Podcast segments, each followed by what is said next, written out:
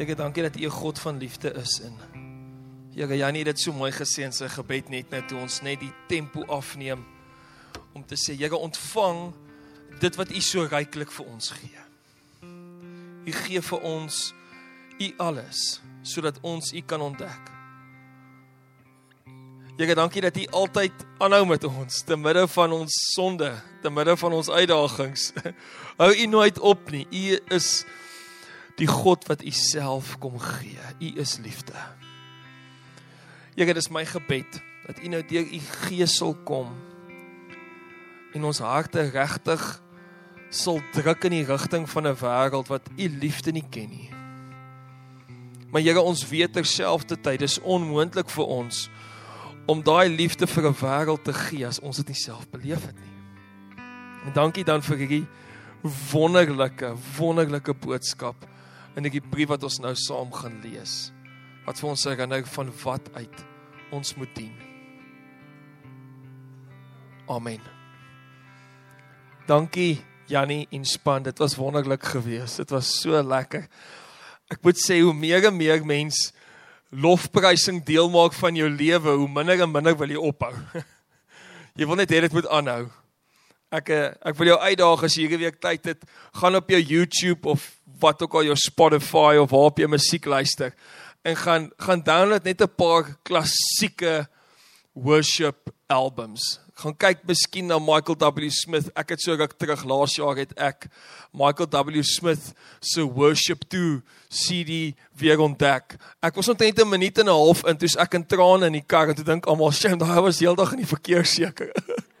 Want dit was net so mooi en ek dink die wonderlike ding van lofprysing is ons word oorweldig deur God se teenwoordigheid in lofprysing.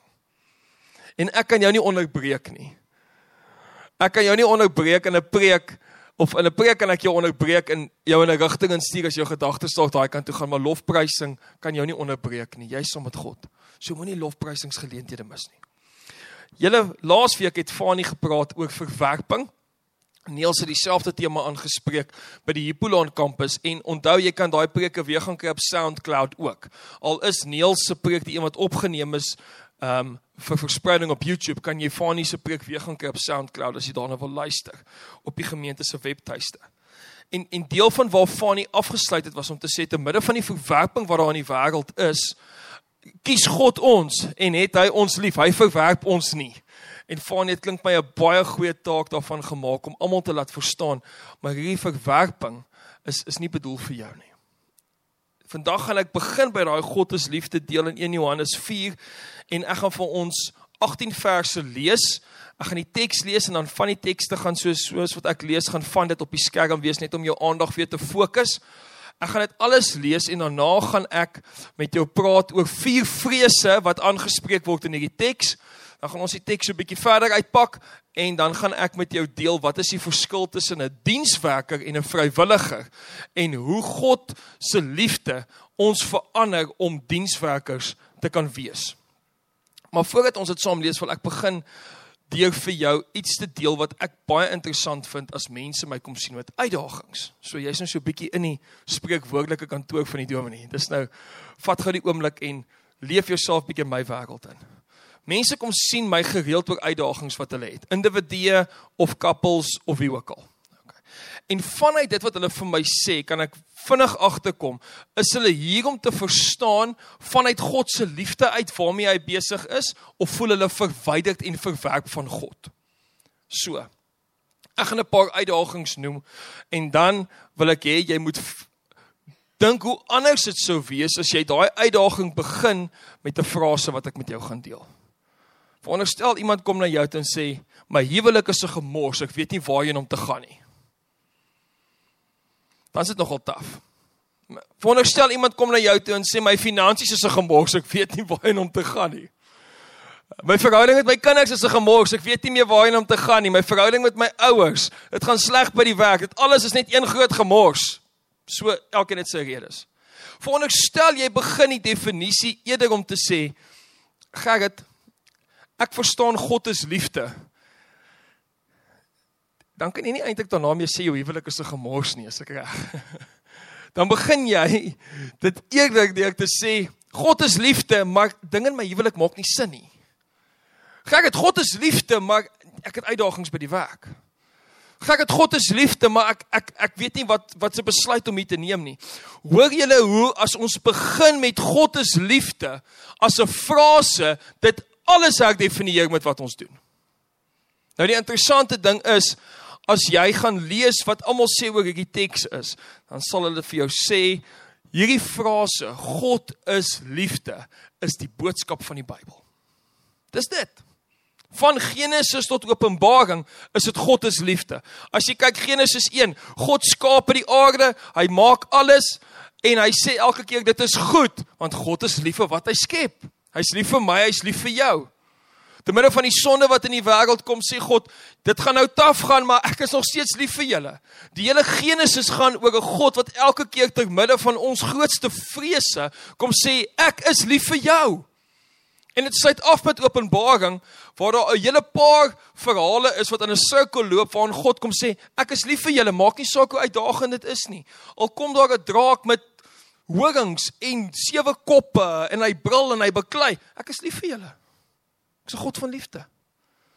So as jy begin om jou lewe te definieer met God is lief vir my te midde van die uitdagings wat ek het, dan maak dit vir jou baie meer sin en is jy op 'n baie meer positiewe plek om 'n verskil te kan maak.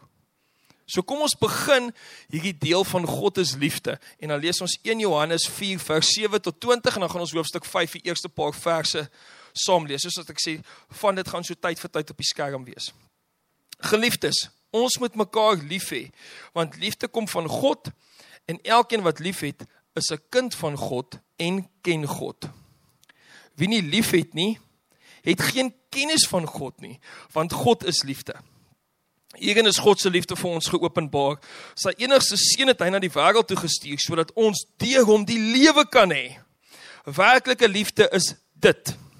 Nie die liefde wat ons vir God het nie, maar die liefde wat hy aan ons bewys het deur sy seun te stuur as verzoening vir ons sondes. Geliefdes, as dit is hoe God sy liefde aan ons bewys het, behoort ons mekaar ook lief te hê.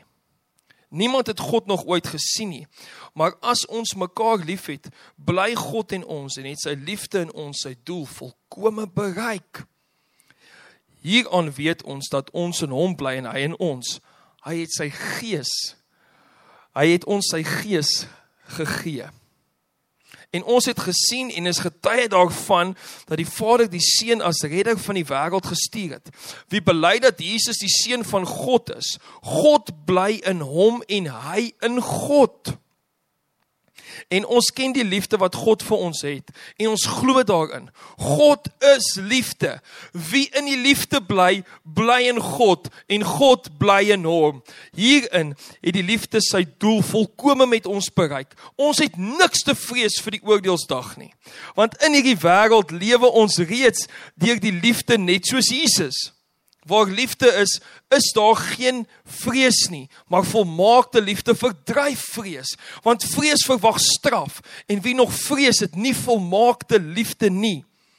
Ons het lief omdat God ons eerste lief gehad het. As iemand sê ek het God lief en hy haat sy broer, is hy 'n leienaar. Want wie sy broer wat hy kan sien nie liefhet nie, kan onmoontlik vir God lief hê wat hy nie kan sien nie. Elkeen wat glo dat Jesus die Christus is, is 'n kind van God en elkeen wat vir die Vader liefhet, het ook ander lief wat kinders van die Vader is. Hieraan weet ons dat God die kinders van God dat ons die kinders van God liefhet. Wanneer ons God liefhet en sy gebooie onderhou. Die liefde vir God bestaan dan daarin dat ons sy gebooie gehoorsaam. Sy gebooie is ook nie moeilik om te gehoorsaam nie. Want enige een wat 'n kind van God is, kan die sondige wêreld oorwin. En die oorwinning wat ons oor die wêreld behaal het, is deur ons geloof. Wie anders is dit wat die wêreld oorwin as hy wat glo dat Jesus die seun van God is? So die vraag wat ons vandag by stil staan is: as ons sê ons leef in 'n wêreld waarin ons vasgeval voel, rondom verwerping of sonde of dit wat ons weglei van God af. In daai wêreld kom sê God, kies om so te leef en daai so leef begin met sy liefde.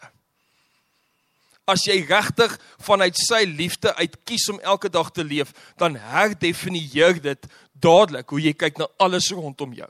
Na die land in 2024 wat dit 'n verkiesingsjaar is, jou omstandighede, jou gesin, jou familie. Jy probeer sin maak van dit alles want God is liefde. Hy's nie die bron van straf nie. God is liefde. En dan sien ek hier dat Johannes 'n interessante ding doen. Hy besweer 'n paar vrese. En nou wil ek vir jou sê, een van die belangrikste redes hoekom God se woord konstant moet herontdek word in ons lewens is daai ding. Die Bybel leer ons hoe om ons vrese te weerlê. As jy 'n ma is en jy twee seuns, wat is jou grootste vrees? Jou grootste vrees is as die twee manne gaan rugby speel op 'n stadion met hulle mekaar baie seer gaan maak. Sulke reg. Ons het al hierdie vrese en dan besef ek maar die Bybel is hier om ons vrese aan te spreek. Dit wat in ons onderbewussyn lê wat ons nie altyd eers van weet nie. En as jy dink aan twee seuns wat beklei, ek en my broer het baie beklei, ons verskil so 2 jaar en dan sê my my my maat gereeld gesê dit voel soos Kain en Abel in die huis baie keer. Daar's 'n storie in die Bybel om jou vrees te besweer. En wanneer Jesus Christus aarde toe kom, dan sê hy in my gaan hierdie stories vir jou sin maak want die Heilige Gees gaan dit vir jou openbaar. Ons lees nou net hier in vers 13 dat dit so mooi sê, die Gees van God openbaar dit aan ons. Dan kom dit jou vier vrese deel in hierdie teks wat besweer word vir ons. Die eerste vrees wat ek vind wat hier is, wat alle mense het. Elkeen van ons is baie keer bekommerd dat die lewe eintlik maar net so bietjie toevallig is dat daar nie 'n groter plan is nie. En dit sluit aan by Fanie se tema laasweek van verwerping. Ons almal was al daar wat ons gedink het, daar's nie 'n groter plan in die lewe nie. Alles is sommer maar net toevallig. Maar as ek die woord hier gaan lees, dan sien ek God is die bringer van die lewe. As ons kyk na vers 9, dan besweer die Here vir ons so mooi daai vrees, deur te sê ek gaan dit vir jou lees.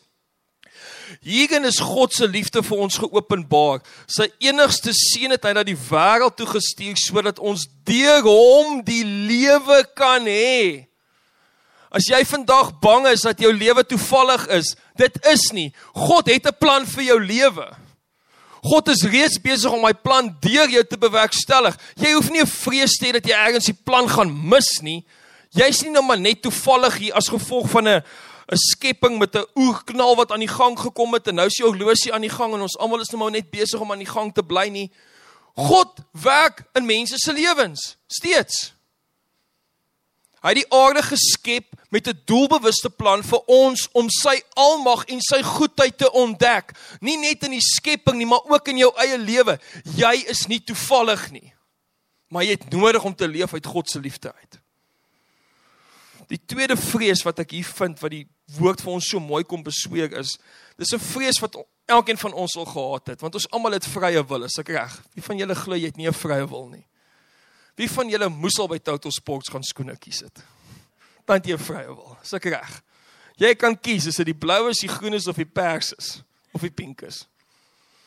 Jy kan kies, jy het 'n vrye wil. Nou onderliggend binne elkeen van ons se gedagtes is daar hierdie vrees dat my vrye wil en die feit dat ek kan besluit en neem gaan my nie moeilikheid kry. Ons elkeen het daai vrees op 'n stadium. Nou wil ek met julle iets baie mooi deel. As ons kyk na vers vers 10, dan dan som dit dit vir ons mooi op. Ons hoef nie bang te wees vir vrye wil nie, want sê dit, werklike liefde is dit, nie die liefde wat ons vir God het nie, menende ons het 'n keuse gemaak om God lief te hê, se reg. Ons kies om hom lief te hê.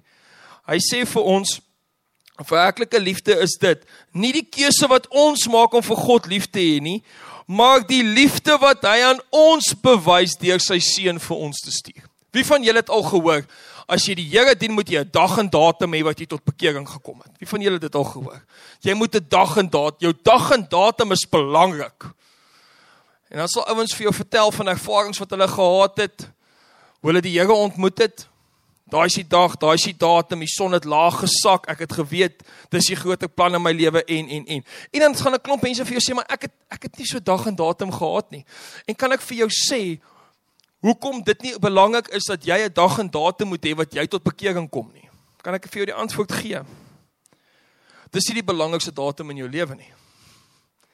Die belangrikste datum is nie die dag wanneer jy tot bekering gekom het nie. Die belangrikste datum in jou lewe is ook die belangrikste datum in my lewe. Dit was aan 'n kruis op Golgotha in 33 na Christus. Dis die belangrikste datum op aarde. Dis die datum wat ons almal saambind.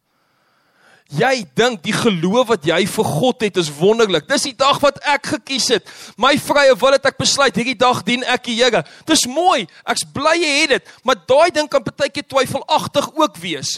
Die grootste datum is die kruisiging van Jesus Christus want in daai oomblik bewys God sy totale liefde vir ons. Hy kom sterf self. God is liefde aan die kruis. Daai is die datum wat die belangrikste is. Jou vrye wil kan jou partykeer in die moeilikheid kry. Is ek reg? Maar jy hoef nooit bekommerd te wees as jy in God se hand is dat iets met jou siel gaan gebeur nie. Jou siel is veilig by God. As jy vandag 'n onderliggende vrese dat jou vrye wil jou op 'n plek gebring het waar jy bekommerd is, dan kan jy net draai na God toe en sê Here, vanuit U liefde uit, help my om sin te maak van my vrye wil. Ek kies U liefde vandag. Die derde onderliggende vrees wat ek vind in hierdie teks is ons almal se vrees is dat daar gaan 'n punt kom wat niemand jou gaan red nie. Nou wil ek dit vir julle so verduidelik. Ek so ruk terug praat ek met my ma en ehm um, my oupa en ouma aan my ma se kant is binne 8 dae van mekaar oorlede. Was eers ouma Vrydag en toe die volgende Saterdag toe sit oupa. So binne 8 dae alles klaar. Toe praat ek met my ma daaroor en dit het al lankal gebeur. Ons praat van 16, 17 jaar terug. Toe sê sy, die ding wat haar die meeste laat skrik het is, wie gaan haar nou help as sy finansiële moeilikheid het? Sy het nie meer ouers nie. Onderliggend aan ons almal se vrese is hierdie vrees dat ek gaan dalk daai punt bereik wat niemand my wil red nie. Dit gaan net ek wees. Elkeen van ons was al daar. As jy al op jou eie was in 'n gewapende roofsituasie, dan was jy in daai oomblik wat jy gewonder het, wie gaan my nou red? Ek was al in so 'n situasie onderliggend aan alles wat ons doen, al die besluite wat ons neem, is ons bekommerd baie keer. Wie gaan my red as ek nou 'n fout maak? Julle die antwoord kom na ons toe in vers 14 en ek gaan dit vir jou lees. En ons het gesien en is getuie daarvan dat die Vader die Seun as redder van die wêreld gestuur het. Nou wil ek iets sê oor die persoon wat hierdie brief geskryf het wat ons lees. Sy naam is Johannes. Dis dieselfde Johannes wat 'n disipel van Jesus was wat op aarde gesien het hoe Jesus werk. Nou sy bynaam saam met sy boetie was seuns, hulle was die seuns van die donder. Dit is nog regtig. In Engels vertaal jy dit boys of the thunder, sons of the thunder. Nou jy kry nie daai naam uh, as jy blokfluit speel nie. Of miskien ons dogtertjie het nou begin klavier speel. Vrydag aand is ons by my ma te kom. Hy was 'n rowwe ou. Het julle gelees hoeveel keer hy geskryf het in hierdie teks? Hy noem dit 3 keer: geliefdes, geliefdes, geliefdes. Hy het 'n liefde by God gevind toe hy daai redding gesien het voor hom afspeel. Dis hoekom vers 14 so belangrik is. God kom besweer ons vrees dat ons nie gered kan word nie. En Johannes was getuie daarvan. Hy het by die kruis gestaan. Hy het gehoor toe Jesus vir hom sê, vir hom net daar sê, kyk na my ma. Hy het hy opdrag gevat. Hy was daar. Hy het daai liefde persoonlik beleef en hy sê alles gaan oor naaste liefde. As jou bynaam seun van die donder was, was jy verseker nie bekend vir jou naaste liefde toe jy jonk was nie. Maar sy lewe word geherdefinieer deur Jesus. Hy leef vanuit God wat die bron van sy liefde is en dit gebeur aan die kruis. Ons hoef nie bekommerd te wees dat God ons nie gaan red nie. Hy het ons lankal gered. Hy het ons gered aan die kruis. En daai redding dra ons nog vandag, selfs al voel ons niemand gaan opdaag om my te help nie. Dan kan ons weet ons siele is veilig by hom. Die vierde vrees wat ek onderliggend vind in hierdie teks wat wat hy wil aanspreek met met sy verwysing na vrese is. Ons elkeen het so 'n bietjie 'n vrees dat daar niks is na die dood nie. Daar's daar's nog nie 'n gelowige met wie ek nie gepraat het wat nie bietjie daai vrees het van, "Wie as ek doodgaan is alles verby nie." So elkeen was al daar gewees. Nou wil ek hê julle moet so mooi hoor wat sê dit vir ons in vers 13. Hierdie vers 13 is so mooi. Hieraan weet ons dat in dat ons in hom bly en hy in ons. Hy het ons sy gees gegee. En dan sal Paulus in daai teks self uitgepak later waarin hy sê en sy gees die Heilige Gees getuig saam met ons gees sê hy vir 'n gemeente dat ons kinders van God is. En omdat ons God se kind is, weet ons dat ons nie bang hoef te wees vir die oordeelsdag nie. Hy pak dit dan nou verder hier uit in die latere verse. Hy sê Waar daar liefde is, is daar geen vrees nie, maar volmaakte liefde verdryf vrees, want vrees verwag straf en wie nog vrees, het nie volmaakte liefde nie. Daarom sê in vers 17, ons het niks te vrees vir die oordeelsdag nie. Ons het niks te vrees vir daai oomblik wat ons sterf ook nie, want die Here hou ons vas. Hy's altyd met ons.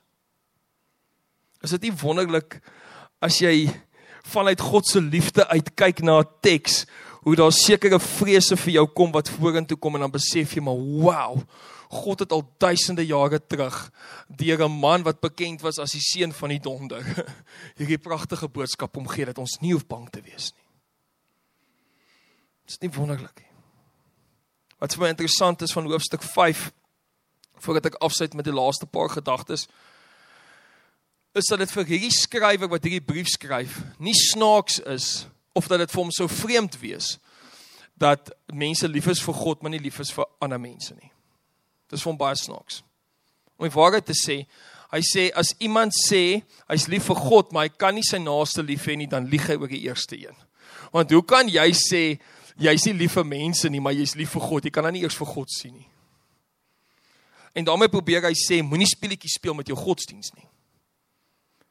Moenie maak asof jy lief is vir 'n onsigbare God waar jy partykeer wonder waar hy is en dan sê jy ag, maar ek kan nie my medemens lief nie, maar ek het darem 'n onsigbare God lief.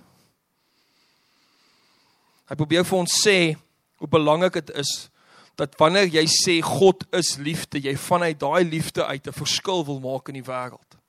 En nou wil ek met jou drie gedagtes deel oor hoe mense verskil wil maak in die wêreld. As ons sê die manier wat ons kies om te leef is vanuit God se liefde, dan moet dit oorgaan tot dade toe. Anders is daar nie 'n getuienis nie. Anders is daar nie 'n verhaal nie. Nou sê hy, nou sien ek drie goed by mense rondom my baie keer wat gebeur. Nou in ons gemeente praat ons nie van 'n vrywilliger nie. Julle sou gehoor het mense praat baie keer van 'n volonteer. So aan nou 'n groot funksie is ergens ons soek almal volonteërs. Nou ons gemeente praat nie van 'n vrywilliger of 'n volonteer nie. Ons praat van dienswerkers. In Engels servants. Dienaars, diensknegte, dienswerkers. Nou daar's al drie dinge wat 'n verskil is tussen 'n dienswerker en 'n vrywilliger. 'n Vrywilliger sê ek het so 'n bietjie ekstra tyd hierdie jaar. Ek het 'n halfuur ekstra in die week. Ek gaan hoor wat kan ek in 'n halfuur doen vir die kerk. Dis wat 'n vrywilliger sê. 'n Dienswerker kyk na die nood daar buite en dan sê hy, "Wow, daar's mense wat nie die Here ken nie. Here, hoeveel tyd moet ek gee aan hierdie saak dat mense se lewens kan verander?" Koop julle hoor die verskil. 'n Dienswerker kyk na die nood daar buite en dit verander hom om 'n verskil te maak. Hy kyk nie hoeveel het hy ekstra en gee dit vir die Here nie. Hy gee alles vir die Here. Dis die houding wat daar was in Christus Jesus. Die hart van 'n vrywilliger is ene wat sê wat kan ek kry? Dis die tweede punt wat ek wil maak. Die hart van 'n dienswerker sê wat kan ek gee? Wat het die Here in my gesit? Wat is daar binne in my wat ek wil gee? En die derde een het te doen met ego. Vrywilligers wil altyd nog goedjies hê. Gee my gee my 'n rugsakkie en ek soek 'n pen en 'n potlood en 'n waterbottel vrywilligers wil goedjies hê en mense wil altyd vir hulle goedjies gee om hulle gelukkig te hou en as jy dit nie vir hulle gee nie dan is hulle ongelukkig. Dienswerkers sê ek het klaar God se liefde ontvang. En omdat ek God se liefde ontvang het, wil ek my alles gee. Ek bid dat hierdie drie aspekte wat ek vinnig met jou gedeel het, wens die tyd het ons toegelaat dat ons nog 20 minute hieroor kan praat. Ek bid dat hierdie drie aspekte regtig sal deel wees van jou lewe as jy 'n dienswerker is. Dat jy jou tyd, jou hart en jou ego alles sal gee ter wille van die God van liefde wat sy alles vir jou gee en dat jy verskil sal maak in die wêreld. Kom ons bid saam.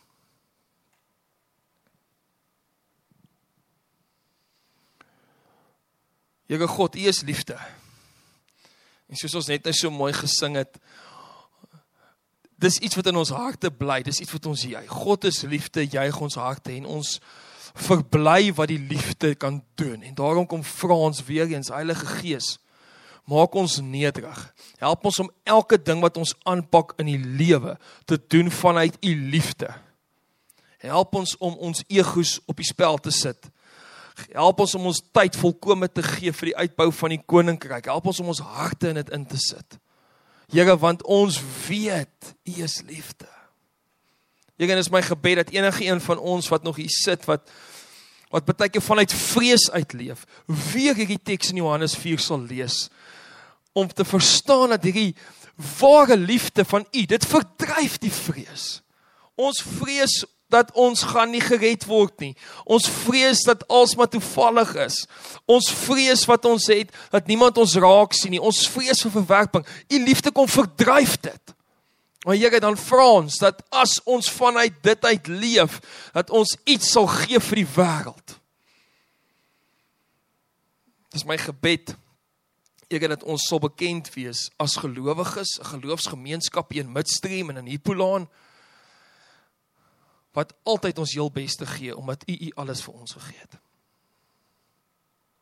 Ons bid dit Here Jesus in U naam. Amen.